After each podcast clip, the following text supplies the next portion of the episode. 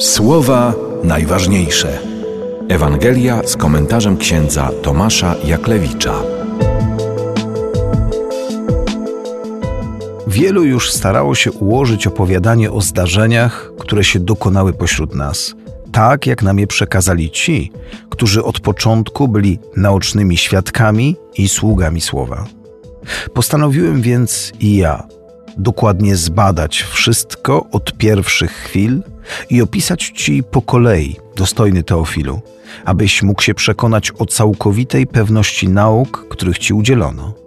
W owym czasie powrócił Jezus mocą ducha do Galilei, a wieść o nim rozeszła się po całej okolicy.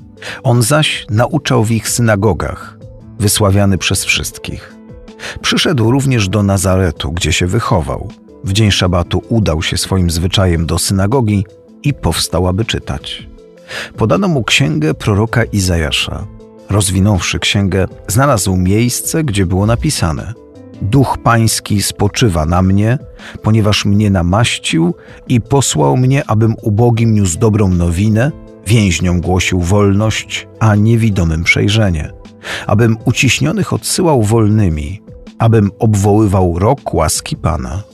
Zwinąwszy księgę, oddał słudze i usiadł a oczy wszystkich w synagodze były w niego utkwione. Począł więc do nich mówić: Dziś spełniły się te słowa pisma, które słyszeliście. Duch Pański spoczywa na mnie.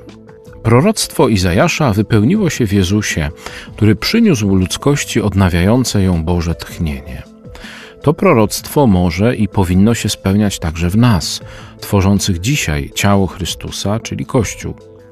Duch Pański spoczywa na każdej ludzkiej osobie, ponieważ człowiek nosi w sobie od początku tchnienie Boga. Księga Rodzaju mówi, że Bóg lepiąc z prochu ziemi człowieka, tchnął w niego, czyli wlał w ludzkie serca coś ze swego ducha. Nosimy w sobie jego cząstkę, poprzez umysł, wolę, zdolność do miłości. Jesteśmy z nim spokrewnieni. Jezus przyszedł na świat także w tym celu, abyśmy odkryli ponownie tę prawdę, abyśmy zrozumieli nasze pokrewieństwo z Bogiem i pielęgnowali tę wartość. Ale to jeszcze nie wszystko, jest coś więcej. Duch mnie namaścił, mówi Jezus. I znowu chodzi tu także o pewną prawdę o nas. Mamy Ducha Bożego w sobie nie tylko ze względu na stworzenie, na to pierwsze tchnienie, ale jako chrześcijanie, czyli ludzie ochrzczeni i bierzmowani, zostaliśmy namaszczeni Duchem Świętym. To jakby pieczęć potwierdzająca to pierwsze tchnienie. Bóg nas nie zostawił po stworzeniu i po upadku, ale w każdym sakramencie kładzie na nas swą rękę i napełnia miłością. Podczas chrztu, podczas bierzmowania zostaliśmy napełnieni Bożą miłością, namaszczeni duchem. Czy jesteśmy świadomi tego daru? Sakramenty to nie tyle obdarowanie czymś, ale kimś. Nosimy w sobie Boga, Ducha Świętego. Staliśmy się Jego świątynią. Z tym darem łączy się zadanie: posłał mnie. Coś z tym Duchem Świętym, którego mamy w sobie, trzeba zrobić. Jeśli ktoś dałby mi samochód, to przecież nie po to, bym go trzymał w garażu. Albo jeśli dostanę jakieś pieniądze, to nie są one po to, by trzymać je w sejfie, ale kupić za nie to, czego mi potrzeba. W sprawach materialnych bywamy bardziej rozsądni niż w sprawach duchowych. Moc ducha trzeba uruchomić. Bycie chrześcijaninem oznacza misję, posłanie do świata. Mamy być ludźmi niosącymi ducha Bożego w bezduszny świat.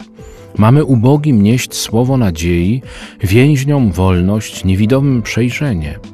Najgorszym ubóstwem jest brak Boga. Najcięższym więzieniem jest to, w którym człowiek sam się zamyka przez grzech, kłamstwo, nałogi.